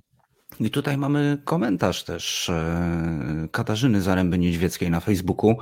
PO, PO chyba próbuje robić to, co demokraci w USA, czyli połączyć ludzi od konserwatystów po progresywnych w sposób, który możliwy jest jedynie, kiedy niewiele się mówi konkretów. To jest bardzo trafny komentarz. To gdzieś zahacza o to, o czym mówimy. Pewnie należałoby go doprecyzować o, o pytanie, których demokratów z której kampanii, z którego roku, bo, bo, bo oni też mieli na siebie różne pomysły, ale prawda jest taka, i tu się absolutnie też z panią Katarzyną zgadzam, że tak, no, że Platforma znowu chce być siłą środka, tylko definiuje ten środek e, w kategoriach, które cofają nas w czasie. Znaczy definiuje ten środek w kategoriach Polaków przestraszonych tym, że ktoś im wszystko zabierze, tak? przyjdzie z tej granicy białoruskiej Irakijczyk i, i okradnie ich z tego, co mają. Polaków wciąż zakompleksionych, więc takich, którym trzeba mówić Europa, Europa, Europa, bo tak naprawdę podskórnie boją się, że nią nie są, albo że znowu ktoś im ją zabierze. Polaków lękliwy, lękliwych, to już też powiedziałem, i Polaków e, tradycyjnie e, katolickich, ale też tak katolickich, szukam dobrego słowa, w sposób przesączony hipokryzją. Znaczy takich właśnie, którzy, którzy, e, którzy tak e, jak, jak z tym, jak z tym, z tym Tradycja taka, no. no tradycja tak. taka po tak. prostu, bo w domu zawsze była choinka. Kuba, muszę no. ci zadać jeszcze ostatnie pytanie. Ostatnie pytanie ci muszę zadać a propos całego wystąpienia Tuska w Płońsku. Słucham cię. Ty wiesz, ile kosztuje chleb? 4 złote ale oczywiście zależy, jaki kto je. Ja mam taki śliwkowy, na przykład lubię, bardzo twardy jest i mm, bywa twardym orzechem do zgryzienia, tak to, tak to ujmę, ale to jest 4 zł za, za 6 kromek takiego pumpernikla ze śliwką. Dobrze się na rowerze też przewozi. No to jakby e, potwierdziłeś w jakiś sposób, że nie jesteś oderwany od rzeczywistości. To Potwierdziłem moje taki statement ludowo, ludowo, ludowo. Jeszcze zdrowy chleb jesz ze profesjonalne e, credentials. Dziękuję, dziękuję. A mogłem dziękuję. skłamać, bo pita arabska u mnie w sklepie też kosztuje 4 zł i mógłbym tak naprawdę być krypto e, krypto po prostu uchodźcą, no, który wbrew Donaldowi Tuskowi niszczy nasze narodowe bezpieczeństwo, tożsamość i granice, które zdaniem przewodniczącego powinny być święte. Ja do tego wracam, już się z Państwem oczywiście żegnam i nie przedłużam mojego czasu, bo i tak skorzystałem tutaj mocno z gościnności Kornela i Państwa, ale tak Was zostawiam z tymi uchodźcami, z tym, żeby sobie o tym, o tym pomyśleć, bo to chyba e, jakby lepiej niż wszystko inne pokazuje, gdzie ta, e, jak bardzo na prawo zadryfowała ta nasza polityka. I nawet nie trzeba być jakimś wielkim lewicowcem albo takim obrażonym na lewicę lewicowcem jak ja, żeby jednak mieć z tym koszmarny problem, bo jeżeli partia, która uważa siebie w Polsce za e, awangardę europejskości, postępu, nowoczesności i cywilizowanych standardów, czyli Platforma Obywatelska, ostatecznie w kwestiach praw człowieka e, i tego, że realnie giną ludzie na polskich granicach. Mówi językiem rozpiętym między Konfederacją a amerykańską partią republikańską, to coś gdzieś z tą busolą jest nie tak. I e, albo, albo ja jestem naiwny i, i myślę o nas, o Polakach, o społeczeństwie trochę lepiej, e, albo e, przewodniczący Tusk jest jednak cyniczny i po prostu myśli o nas trochę gorzej. I z tą myślą musisz resetarian i resetarianki zostawić. Może doczekamy się odpowiedzi do naszego następnego spotkania w nieco jaśniej. Bardzo Ci dziękuję. Naszym gościem był Jakub Również Dymek. I, I, zapraszam na e, dymek.substack.com, gdzie możecie czytać na bieżąco teksty Jakuba, które wrzuca często w rozszerzonych wersjach e, względem na przykład tego, co ukazuje się w prasie, e, jeśli się ukaże, ale tam zawsze te teksty będziecie mieli w bardzo fajnej e, oprawie, także zachęcam do subskrybowania Substaka Jakuba. No i tutaj Marek wbija szpilę. Dzisiaj tacy jesteście Państwo ironiczni. Jak widać, Jakub nie jest wyborcą pani Żukowskiej, bo wtedy by jadł bułki. Zostawiam Państwa na chwilę z odrobiną muzyki. E, Piotr nam zaraz coś tutaj zaserwuje, a po przerwie e, słyszymy się z redaktor Karoliną Kowalską z Rzeczpospolitej, z którą będziemy rozmawiali o sytuacji w ochronie zdrowia. Długo ten strajk potrwa, do zimy, do, e, do wiosny, do świąt, przed świętami się skończy. No zobaczymy, ale nie tylko o tym, to już za chwilę, a teraz Muzyka. Reset Obywatelski działa dzięki Twojemu wsparciu. Znajdź nas na zrzutka.pl. Wracamy do programu Nieco jaśniej na antenie Resetu Obywatelskiego. I proszę Państwa, teraz naszą e, gościnią będzie redaktor Karolina Kowalska z Rzeczpospolitej. I już jest z nami na łączach nasza gościni. Dzień dobry, pani redaktor. Dzień dobry. Pani redaktor, ja tak trochę sprowokowałem dzisiaj w wpisie na naszym Facebooku zapowiadającym program, że tak e, będziemy się zastanawiać, ile to jeszcze Białe Miasteczko 2.0 e, postoi, ale też przyznaję, że pisałem zajawkę wczoraj wieczorem no a dzisiaj o 10.20 z Pani publikacji dowiedzieliśmy się, że jest jakieś porozumienie, jeśli chodzi o ratowników, ale też nie o wszystkich i chyba warto od tego zacząć. Nie o wszystkich i nie tych z Białego Miasteczka. Już wczoraj, kiedy były przecieki na temat tego, że Komitet e, Protestacyjny Ratowników Medycznych KPRM w skrócie nomen omen podpisał e, porozumienie z ministrem, z wiceministrem zdrowia Waldemarem już wówczas pojawiły się wpisy o tym, że to jest porozumienie właściwie podpisane przez, cytuję, zdrajców, bo podpisując miasto ratowników zgadzają się na takie warunki porozumienia. Uważają, że należy walczyć o więcej niż to, co potem sobie obiecało ministerstwo. Zresztą dzisiaj po bardzo wczesnej, ogłoszonej niespodziewanie konferencji ministra Niedzielskiego i wiceministra Kraski, ratownicy z Białego Miasteczka zwołali swoją konferencję i powiedzieli, że oni absolutnie nie zgadzają się na to, żeby zawieszać proces pracowników medycznych, że karetki nadal nie będą wyjeżdżały, ponieważ to, co ministrowie zaproponowali w tym porozumieniu, to, to nawet nie jest połowa tych postulatów, z którymi oni wychodzą. Ministerstwo zaproponowało przywrócenie tak zwanego dodatku wyjazdowego. Taki dodatek funkcjonował do 2011 roku. To jest 30% dodatek z tego tytułu, że ci ratownicy pracujący w karetkach pracują w bardzo ciężkich warunkach pogodowych, że jest to praca niebezpieczna, i tak dalej, ale też to porozumienie przewiduje, że ratownicy zatrudnieni na kontrakcie, nie, czyli w oparciu o umowę cywilną prawną, nie będą mogli zarabiać mniej niż 40 zł brutto za godzinę, a z uwzględnieniem wszystkich dodatków będzie to kwota 60 zł za godzinę. Minister Kraska e, tak po, policzył e, e, zgrubnie, ile na pełnym etacie, taki ratownik na etacie, czy też na odpowiedniku etatu 200-godzinnym, taki ratownik mógłby po podwyżkach zarobić i wyszło mu, że byłoby to kwota nawet 12 tysięcy brutto. To liczby, które bardzo ładnie brzmiały na tej e, konferencji, e, ale no nie o to chodziło osobom pracującym w ratownictwie medycznym. Oni, osoby z miasteczka, ratownicy protestujący w miasteczku powiedzieli, zwrócili uwagę na to, że te podwyżki nie obejmowałyby wszystkich, między innymi nie obejmowałyby ratowników medycznych zatrudnionych w szpitalnych oddziałach ratunkowych, a takich ratowników jest całkiem sporo i oni są w tych oddziałach ratunkowych e, szpitalnych bardzo potrzebni. Mówili też o tym, że w ich postulatach chodziło przede wszystkim o to, żeby wreszcie powstała ustawa o zawodzie ratownika medycznego. To jest jeden z ostatnich zawodów, który nie ma swojej ustawy o zawodzie, bo mają ją już i farmaceuci, i fizjoterapeuci nawet. E, plus e, e, no, wychodziło też o ustawę o powołaniu zawodowym ratowników, żeby to ratownicy mogli sami o sobie stanowić, bo dzisiaj, kiedy omawiane są sprawy ratowników medycznych gdziekolwiek, w Sejmie czy ministerstwie, to ratowników reprezentuje wyłącznie związek zawodowy, a związek zawodowy nie jest od tego, żeby reprezentować ratowników jakby w, przy tworzeniu ustaw.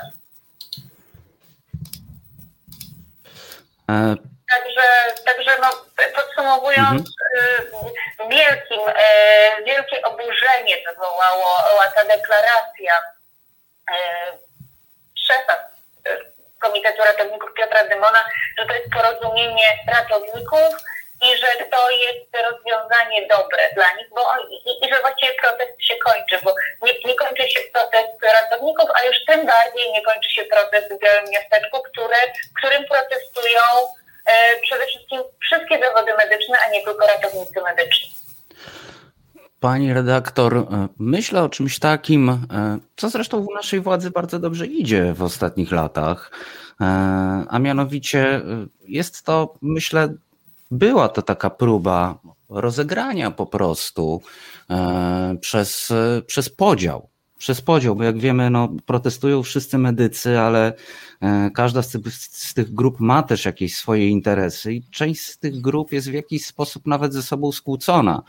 I myślę, że to był też taki wybieg po prostu na zasadzie to tym damy, a tamtym nie i będzie to jakiś rozłam. No na pewno, no, Divide et Impera, prawda, bardzo y, lubi PiS dzielić, żeby rządzić. I myślę, że tutaj y, Ministerstwo Zdrowia również korzysta z tych wzorców. Y, no i zgrywa tych ratowników, natomiast y, to, że ogłasza nagle rodzaj koniec protestu, to, to temu się nie dziwię, dlatego że to jest kolejna, to była kolejna konferencja nie prasowa, tylko PR-owa. Mistrz PR-u tu mówię e, w cudzysłowie, rzecznik Ministerstwa Zdrowia, Wojciech Andrusiewicz powiedział w TVN-ie, że o co chodzi, że przecież ten Komitet Protestacyjny Ratowników Medycznych reprezentuje 5 tysięcy z 15 tysięcy wszystkich ratowników, a jeśli poczytać. Halo, halo wypowiadający się są grupą reprezentatywną, no to przekonamy się, że raczej większość jest przeciwko temu porozumieniu i nie uważa, że dostali to, czego oczekiwali. No właśnie tak. I tutaj, tutaj docieramy do sedna, czyli jedna trzecia, e, jedna trzecia została w jakiś sposób zaspokojona, reszta nie. E, czyli skłócili już nawet ratowników ze sobą. E, strach się bać, co będzie dalej. Mieliśmy też inne przykre wydarzenie, bodajże w sobotę. 90-paroletni mężczyzna odpalił sobie petardę w ustach na terenie Białego Miasteczka. No i tutaj roi się, e, słyszałem już kilka oczywiście teorii spiskowych na ten temat, e, których nie chciałbym tutaj roztrząsać, ale, ale jednak e, też zastanawiam się, na ile władza prób, próbowała w jakiś sposób tę tragedię po prostu rozegrać na swoją korzyść. Przede wszystkim powiedzmy sobie szczerze, ja tutaj nie odkryję analizy obraża, jeśli powiem, że osoba, która stara się w ten sposób okaleczyć, czy w ogóle się okaleczyć publicznym, ma jakieś problemy z psychiką, nie jest swojej powiedzmy najlepszej formie. Ten pan, 94-letni, który zginął tragicznie, wcześniej przychodził do Białego Miasteczka, tak wynika z relacji medyków, opowiadał o tym, że się leczy, że y, ochrona zdrowia jest niewydolna, przy czym oni też dzisiaj mówią, że nie zawsze może y, był y, na pewno jakby w pełni zdrowia, tak? To była osoba chora, cierpiąca z powodu chorób fizycznych i, też doprowadzona do jakiejś ostateczności. Natomiast ja bym, tak jak i oni, nie wiązała tego aktu desperackiego, tragicznego z jakąś próbą obrony wpisu, jakimś, jakąś próbą mm zaprotestowania przeciwko temu, co robią medycy, bo pan, medycy, ci, którzy tego pana znali, bardzo lubili, powiadali, że on był z nimi zaprzyjaźniony, że wspierał ich, że deklarował wsparcie dla nich, że mówił, że, że, że nie podoba mu się, nie podoba mu się warunki, oni pracują. Więc to naprawdę nie było tak, że ten pan nagle postanowił zaprotestować przeciwko protestowi medyków, jakby to wynikało e, podobno z listu, który rzekomo ten pan zostawił. No tak, tego listu do tej pory jakoś e, nie przedstawiono, więc to, to też pozostaje w jakiejś sferze domysłów. E, jak wiemy, jak wiemy, różnie to działa. Też zawodowo po prostu wiemy, że różnie, różnie to działa.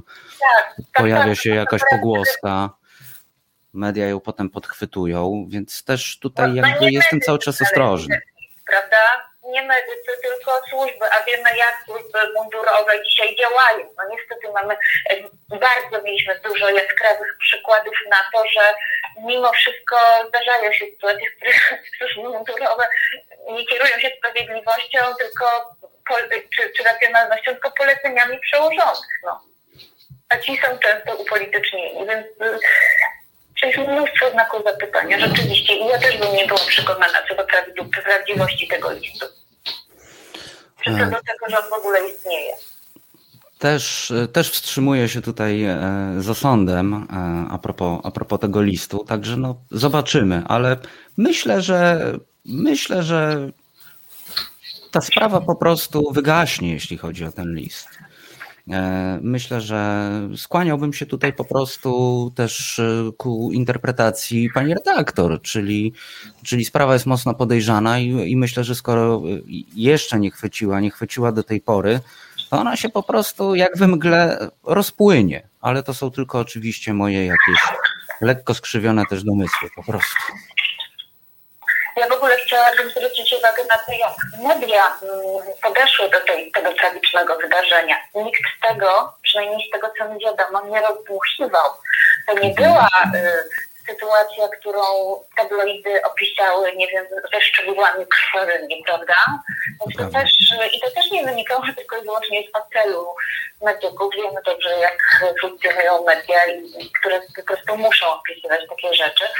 To wynikało z tego, że jakby wszyscy zdali sobie sprawę, że to był to była rozpacz osoby chorej, doprowadzonej do ostateczności chorobą jakby nikt nie miał ochoty tego wiązać z jakimiś działaniami politycznymi, czy rządu, czy, czy protestujących. To prawda. I na całe szczęście, że tak, e, tak to się rozwiązało i nikt tego nie rozmuchiwał. Pani redaktor, zrobimy chwilę przerwy, zostawimy naszych słuchaczy, nasze słuchaczki z muzyką i wrócimy jeszcze do rozmowy, bo no musimy jeszcze sobie odpowiedzieć na to pytanie po przerwie, które jakby obiecałem też e, naszym słuchaczkom, słuchaczom, odbiorcom, odbiorczyniom, czyli jak długo to białe miasteczko postoi. Oczywiście będzie to jakaś sfera domysłów, ale to po przerwie. Także teraz Piotrze poproszę Cię o odrobinę muzyki. Reset Obywatelski. Medium, które tworzysz razem z nami. Komentuj, pisz i wspieraj. Wracamy do programu Nieco Jaśniej. Naszą e, gościnią jest Karolina Kowalska z Rzeczpospolitej. Rozmawiamy, e, no, rozmowa toczy się wokół e, strajku, protestu w ochronie zdrowia. No i pytanie, które Państwu obiecaliśmy i na które postaramy się teraz jakoś wspólnymi siłami odpowiedzieć. Trochę będziemy się też domyślać, bo to pozostaje zawsze w sferze domysłów. A mianowicie pytanie jest takie, jak długo jeszcze to białe miasteczko będzie trwać? Do zimy, do wiosny? To jest e, trudne pytanie, ale ja myślę, że szczególnie po tych wydarzeniach z soboty i szczególnie e, jeżeli nie uda się osiągnąć żadnego kompromisu e, podczas rozmów z ministrem, nowym wiceministrem do spraw dialogu Piotrem Bromberem, a wiele na to wskazuje, to to miasteczko będzie trwało bardzo długo. Przynajmniej ono dzisiaj e, trwa w formie takiego cichego dyżuru. Z tego co wiem, to jest tam obecnie śpi na stałe około pięciu osób. Wiem też, że medycy się mobilizują, że ci, którzy mogą, dojeżdżają, dojeżdżają z całej Polski. I im więcej będzie takich prób rozgrywania, jak ta, e, ta próba z ratownikami, im więcej będzie takich sytuacji, jaka, e, jaka była wczoraj, czyli sytuacja, w której Piotr Bromber e, zaprosił medyków do e, Centrum e, Partnerstwa Społecznego Dialog. Oni wreszcie przyjęli to zaproszenie i przyszli do niego, chociaż wcześniej chcieli, żeby ten minister przyszedł do nich. I okazało się, że minister nie, ma, jest w ogóle przygotowany, nie ma dla nich żadnych propozycji, żadnych wyliczeń, wobec czego to spotkanie przełożono na jutro, czyli na czwartek. Kiedy no niestety wielu się spodziewa, że znowu nie będzie żadnych wyliczeń. Jeżeli będzie więcej takich sytuacji, to, to, to tym bardziej będzie to wzmacniało wolę, wolę nie tyle walki, co protestu w medykach. Medyków rozczarowanych sytuacją jest mnóstwo w całym kraju i oni będą przyjeżdżali, oni będą w tym miasteczku czuwać. To miasteczko jest takim wyrzutem sumienia Ministerstwa Zdrowia. Tu też tak filozoficznie można podejść do tematu, czy, czy można wywoływać wyrzuty sumienia e, we władzy, która sumienia po prostu nie ma. Ale to przepraszam panią redaktor, no trochę musiałem tak polecieć. To troszeczkę powiem tak, że może PR-owo im się nie, nie spina. To, to dla nich jest niewygodne PR-owo, trochę ucza do tego, żeby kancelarię prezydenta z metodami, zresztą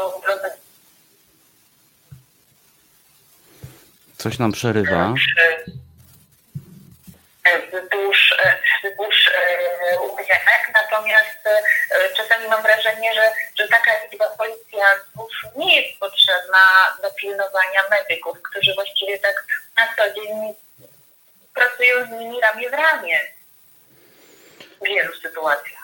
To prawda, to wygląda jak takie, no to jest wprowadzanie cały czas takiego, były takie badania zresztą i to niejednokrotnie pokazywane w mediach i to już wiele lat temu, które dowodziły, że policja na ulicy nie jest dowodem na to, że jest bezpiecznie, wręcz, wręcz przeciwnie, wzrasta to poczucie zagrożenia. Zresztą ja ze względu na to, że mieszkam niedaleko KPRM-u, to tam w tym miasteczku bywałem parę razy zresztą po, po moich programach właśnie środowych.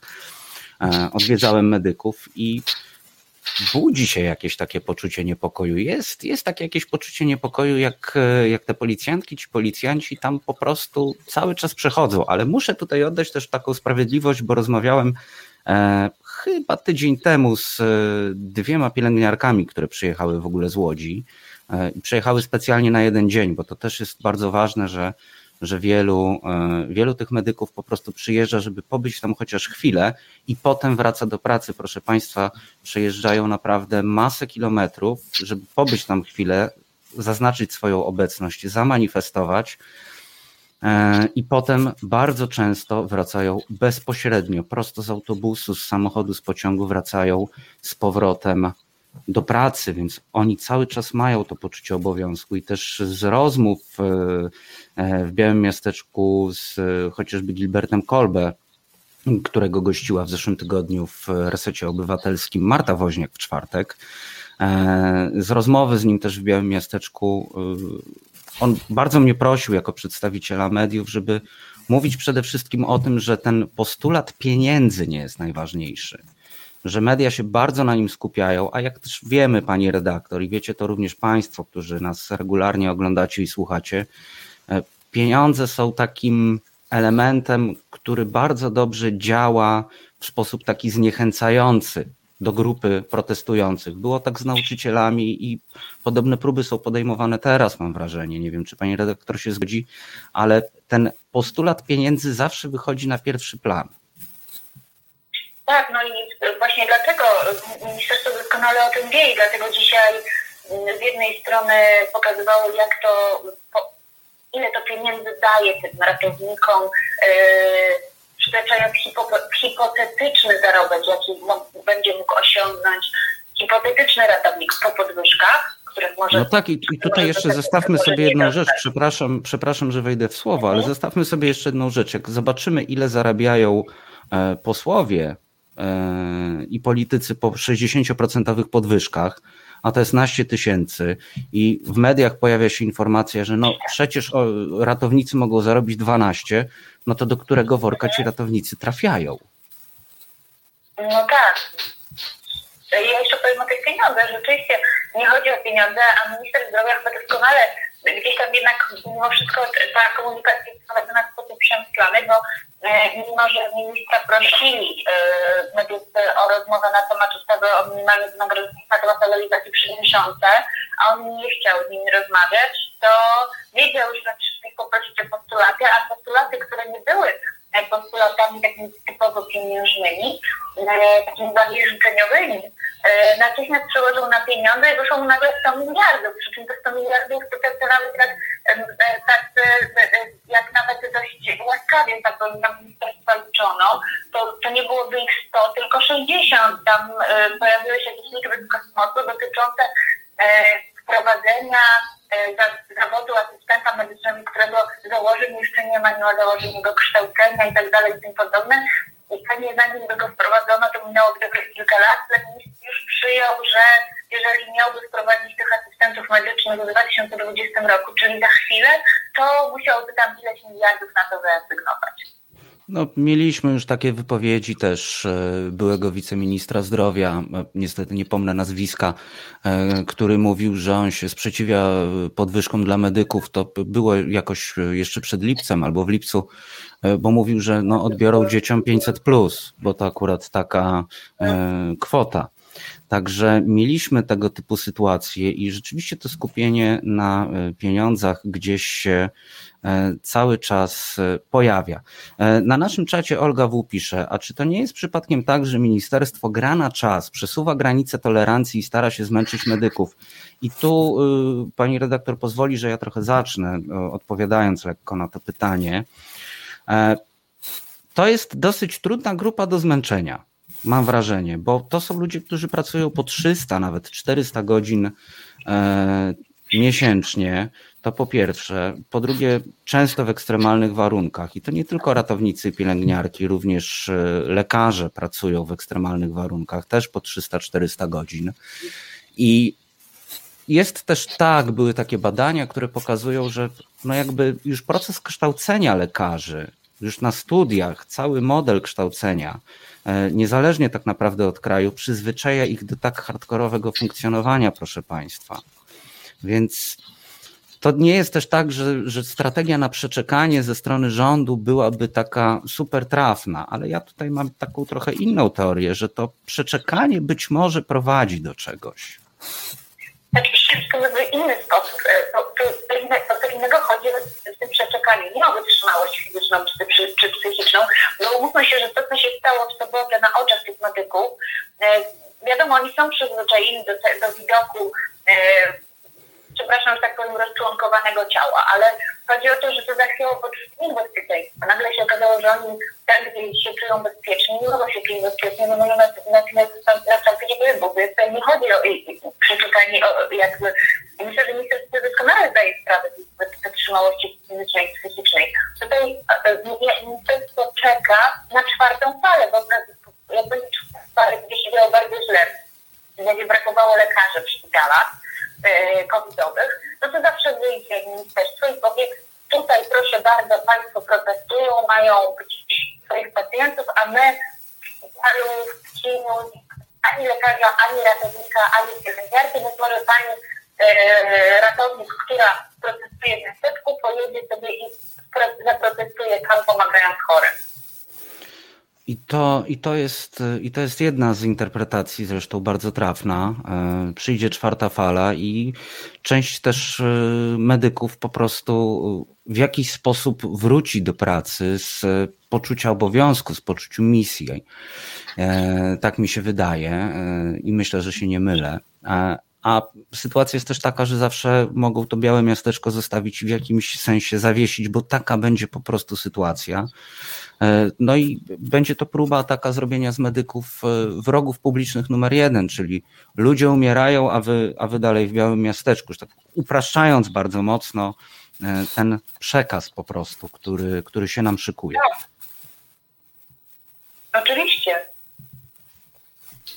Myślę, że to jest kilka scenariuszy zakładanych przez władzę, nie wiem czy przez protestujących.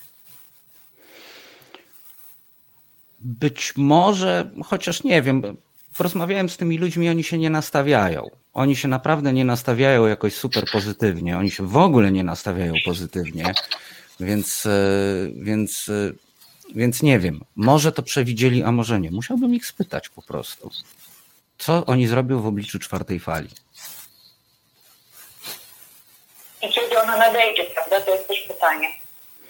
Tak, no, obserwujemy duży wzrost zakażeń. To nie są tak porażające liczby y, jak w zeszłym roku, ale no też bardzo zaskakujące jest to moi, y, że tak powiem, informatorzy w służbie zdrowia, w ochronie zdrowia, przepraszam, ale tak mi przeszkadza sformułowanie służba, że tak często o nim myślę, że najpierw myślę służba, jak chcę powiedzieć ochrona.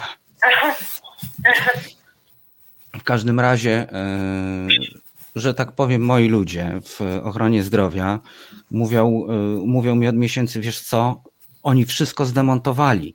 Wszystko jest zdemontowane. Szpitale nie są w ogóle przygotowane na czwartą falę, która będzie. Wszystko zdemontowano. To, co było, to tego już nie ma. Bo wróciliśmy do, tutaj cudzysłów, normalności. Tak, i, i, i, i się okaże, że wojewoda każe utworzyć Y, oddział covidowy w jeden dzień, dwa dni i nie ma z czego tego y, oddziału tworzyć. Nie ma jak nagle wysłać dom, odesłać do domu ludzi, którzy albo się boją w albo czekają na operację pilną. Zamiast przygotować się do pandemii, y, rząd tak naprawdę skupia się na walce z protestem no ale potem też, jeszcze dzięki również Tubie, jaką jest TVP, powiedzą, że jest to wina po prostu protestów i tego, że lekarzy nie było i nie było się kiedy przygotować, kiedy czwarta fala nadchodziła. I powiążą to z tym wzrostem zakażeń, który jest teraz, nie z tym, który był dwa, trzy tygodnie temu, bo to nie są jeszcze, mam wrażenie, dla wszystkich tak zrozumiałe zależności, tak, e, tak zrozumiałe e, te e, piki, tak, kiedy nagle się okazuje, że mamy wzrost 44% z tygodnia na tydzień. Ja też e, czytając te dane, e, zastanawiałem się, e, pisząc, pisząc też artykuły, zastanawiałem się, ok, tylko jest ta zależność i ona jest duża, ale jak patrzymy na liczby, przekazując je jako dziennikarze i myśląc o odbiorcy, no to jak ktoś słyszy, że jest 44%, to za chwilę czyta, aha, czyli było 100, a teraz jest 200, a ma gdzieś też z tyłu głowy, że było 35 tysięcy, no to, no to kto się tak. wirusa boi? Zdecydowanie. I ja szczerze mówiąc, y, jestem trochę przerażona tym, że dzisiaj i właściwie to rząd nam pozwala myśleć, że tego wirusa nie ma. Nadal nam pozwala myśleć, że tego jednak będzie normalnie, że uda nam się uniknąć lockdownu, że nie będziemy e, gdzieś tam słyszeć o śmierciach e, ludzi z powodu koronawirusa, o ludziach pod respiratorem. A za chwilę może się, za tydzień może się okazać, że nagle jest tragedia i, i znowu tu przy nami ani my, ani pracownicy medyczni będziemy musieli wpaść w ten świat koronawirusa, a być może to jest czas, żeby nas do tego przygotować. Dokładnie tak. E, pani redaktor, wiem, że się pani spieszy, pilnuje też czasu, bo tak się umówiliśmy. Niestety. No niestety, ale może następnym razem nam się uda jeszcze trochę dłużej, bo to naprawdę każda z tych 20 minut do końca programu, kiedy pani nie będzie, no jest minutą straconą w pewnym sensie tutaj dla nas. Naszą gościnią była Karolina Kowalska z Rzeczpospolitej. Bardzo dziękuję pani redaktor za odwiedziny w nieco jaśniej. Kłaniam się nisko i życzę udanego wieczoru. Dziękuję wzajemnie. Do widzenia. Dobrej nocy. E, I tak, proszę Państwa, to wygląda. Niestety, redaktor Kowalska musiała iść. E, temat jest złożony. Jest, to wszystko jest bardzo złożone. Złożony jest cały system, to mówię jako bioetyk. E, system ochrony zdrowia to jest rzecz trudna. To jest rzecz trudna, bo jeśli się tym człowiek po prostu nie zajmuje od jakiegoś czasu, na przykład systemami ochrony zdrowia, to nie widać wielu kontekstów. Nie widać naprawdę wielu kontekstów. Jednym z tych kontekstów jest to, że podzieliliśmy sobie gdzieś, również dzięki mediom, ten obraz e, lekarzy na tych, którzy jeżdżą e, do pracy jako zakontraktowani i ci, którzy jeżdżą, nie tylko lekarze, medycy, bo ratownicy mają tak samo, mają tak samo pielęgniarki. Mamy tych zakontraktowanych i mamy tych na etacie. I oczywiście przez ostatnie 30 lat gdzieś przez to, że e, dyskurs e, o finansach publicznych ogólnie e, zaskarbiła taka filozofia, można powiedzieć, promowana przez FOR Leszka Balcerowicza, licznik długu i tak dalej, myślimy sobie po prostu, że ci, którzy poszli na etat e, i zarabiają połowę, trzy razy mniej niż ci, którzy poszli na kontrakty, no to są, są po prostu kiepscy w biznes, tak? A to nie o to chodzi, bo jeśli zastanowicie się Państwo, to jedni i drudzy, i ci, którzy przyjeżdżają do pracy, pracować za trzy razy więcej od tych, którzy są na etacie, oni też pracują po 300 godzin. I tu, nie, tu ja nie mówię tutaj, nie chcę, żebyście Państwo mnie źle zrozumieli, nie mówię o tym, że te zarobki są e, nieadekwatne. Ja mówię o tym, że liczba godzin jest za duża. Nie powinno być tak, niezależnie od tego, czy lekarz zarabia na etacie czy na kontrakcie, pielęgniarka, ratownik medyczny, że oni muszą tyle pracować. Szczególnie ci, którzy są na etatach i pracują bardzo ciężko za bardzo małe pieniądze. Adekwatnie do tego, jaką ponoszą odpowiedzialność, bo to jest ogromna odpowiedzialność i ogromne obciążenie, mm, obciążenie psychiczne. A wiem to, bo jestem z rodziny y, lekarzy. I od dziecka powtarzano mi, synu, tylko nie na medycynę.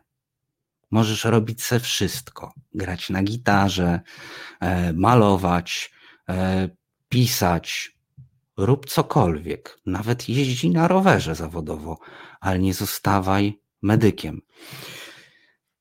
I tak to, proszę Państwa, wygląda. I zawsze tłumaczono mi, że to dlatego, że e, jakby to obciążenie, jakie jest w tym zawodzie, psychiczne, jest po prostu za duże. No dobrze, proszę Państwa, zostawimy Was e, z Piotrem jeszcze na chwilę mm, z odrobiną, e, z odrobiną muzyki. A potem jeszcze porozmawiamy, więc liczę na Was tutaj, droga czaterio, bo też no, zajrzę w komentarze i, i pogadamy. Znudzeni mainstreamowymi newsami? Czas na reset obywatelski, zaangażowane dziennikarstwo. Wracamy do programu nieco jaśniej. Została nam już końcóweczka 43 odcinku na kanale Resetu Obywatelskiego, a już niedługo pewnie ze studia. I właśnie jeśli chodzi o studio, budujemy nowy dom dla Resetu. E, na zrzutce znajdziecie odcinek pierwszy Fundament e, zrzutka.pl kośnik 64a 226 tak naprawdę, jak wpiszecie w Google 64A226, to też ta zrzutka Wam wyskoczy. E, albo zrzutka Reset Obywatelski, też wyskoczy ta zrzutka. Mm, proszę Państwa, mamy 30 908 zł. Bardzo dziękujemy za to wsparcie. Mamy 8 dni do końca. No i musimy jeszcze zebrać e, troszeczkę ponad 4 tysiące, aby zamknąć też nasz pierwszy cel, bo zbieramy 35 tysięcy E, żeby wprowadzić odpowiednie instalacje, pomalować siedzibę i tak dalej. Więc cały czas e, działamy oczywiście. Z Waszym wsparciem wspólnie budujemy ten dom dla resetu. Mm, pomysły się cały czas mnożą, również w głowie redaktora wicenaczelnego Radosława Grucy, redaktora naczelnego Marcina Celińskiego, w mojej głowie, w głowach całej ekipy. E, cały czas myślimy, jak, e, jak też zagospodarować tę przestrzeń. Mm, tak również, żebyście mogli nas, Państwo, jak pandemia oczywiście pozwoli i obostrzenia, żebyście mogli nas odwiedzać, bo Zawsze wyznawałem taką zasadę również prywatnie, tak zwanego domu otwartego, dlatego w salonie mam e, cały czas rozkładaną kanapę, e, a nie jakąś e, ładniejszą, nierozkładaną, bo zawsze może ktoś wpaść i po prostu się przespać u nas. Wracamy jeszcze na chwilę do tych naszych rozmyślań o tym, jak długo to białe miasteczko będzie stało. I Waldek pisze, powtórzę, dopóki dana grupa społeczna nie będzie sama z sobą w zgodzie, to nic nie wywalczy. Tak było u nauczycieli. Solidarność podpisała i było po proteście, broniarz pokrzyczał i podwinął ogon. O, jeśli chodzi o te związki zawodowe, no to e, przed moim programem oczywiście jest program Piotra Szymlewicza, z którego się Państwo dowiecie wszystkiego o związkach e, zawodowych, o niesnaskach w tych związkach zawodowych e, i o tym, mm, i o skuteczności albo też nieskuteczności związków zawodowych. E, wystarczy popatrzeć, co się dzieje wokół sytuacji w ZUS-ie i jak się związki zawodowe zachowują, ale to już zostawię Piotrowi. Ale tak, Waldek, e, absolutnie pełna zgoda. E, to musi być wspólny front i nie możemy się po prostu jako obywatele, jako wszyscy obywatele, pacjenci, medycy, nauczyciele, pracownicy budżetówki, nie możemy się dawać rozgrywać. No bo znacie Państwo to z różnych rozmów również prywatnych, czyli takie powiedzenie, no dobra, przyjdzie ich pięciu, dwudziestu, trzystu, co to jest, ale jak przyjdzie ich trzydzieści tysięcy, a jakby przyszło sto albo trzysta, no właśnie. I to w pewnym dużym uproszczeniu oczywiście, ale clue jest właśnie takie, to się do tego sprowadza. Wyobraźcie sobie Państwo, jakby zaprotestowali po prostu wszyscy, jakby miasteczko było biało-niebieskie, a za chwilę biało-niebiesko-żółte. Tutaj mówię nie o e, protestach żółtych kamizelek, tylko o proteście nauczycieli, bo oni mieli coś żółtego i wszyscy by powiedzieli, ok, to teraz już nic nie działa. Nie działają szkoły, nie działają usługi medyczne, nie działa policja. To by było coś, prawda?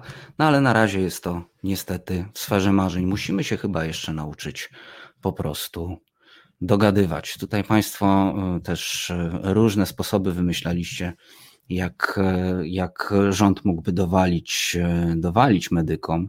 Mateusz, Mateusz mówi e, tutaj w odpowiedzi na, na to, co, co napisał Marek. Marek mówi, pewnie jeszcze wynajdą jakąś aferę, że ratownik pacjenta okradł, kierowca karetkę po pijanemu prowadził. Mateusz dopowiada oraz powrót do akcji, pokaż lekarzu, co masz w garażu 2.0. No i widzicie Państwo, to się wszystko cały czas sprowadza do kasy, a naprawdę, jak się rozmawia z tymi ludźmi, E, w Białym Miasteczku 2.0. Zresztą polecam zeszłotygodniową rozmowę e, Marty Woźniak e, w tym temacie. Polecam też tekst naszej Marty, która dzielnie działa, jeśli chodzi o cały temat Białego Miasteczka, ratowników. Jest sporo tekstów na wyborczej, które możecie przeczytać.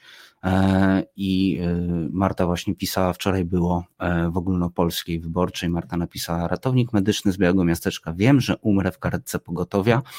Zachęcam do złapanie jeszcze gdzieś, e, bo fajnie to tak w papierze przeczytać. E, także zachęcam, a jak e, ktoś ma, to zachęcam. Warszawa wyborcza.pl, znajdziecie tam ten tekst pod tagiem Białe Miasteczko. Jest to taka mm, rozmowa też. Mm, Marta siedziała w namiocie z medykami i ratownicy opowiadali jej, jak ten zawód zniszczył również ich życia prywatne. I warto się w taki głos wsłuchać. Warto wsłuchać się w głos ludzi, którym nie wyszło w życiu prywatnym, bo taką mają pracę. Ale jest to mimo wszystko pasja i powołanie, i nie mogliby inaczej. E, naprawdę wzruszający tekst, szczególnie końcówka, także zachęcam. No i zachęcam też do oglądania jutro Resetu Obywatelskiego. Trzy grosze to jest wojna e, i e, kto pyta, ten rządzi. Będzie naprawdę ciekawie z tego, co słyszałem już od prowadzących, więc zachęcam. No i zbierajmy na ten reset, budujmy tę siedzibę. Dziękuję Państwu bardzo za dzisiaj, za obecność na czacie, za pytania, za dyskusję, za też niezgodę. Rozmawialiśmy dzisiaj z Jakubem Dymkiem, z Karoliną Kowalską. Polecam reset i do usłyszenia w nieco jaśniej w przyszłym tygodniu. Producentką programu była Aneta Miłkowska oraz producentem był Obrus, który został zaproszony na obiad. Kłaniam się serdecznie e, producentem, producentem, nie producentem, realizatorem był Piotr Kurczewski. I cóż, widzimy się i słyszymy za tydzień w resecie obywatelskim. Dobrej nocy.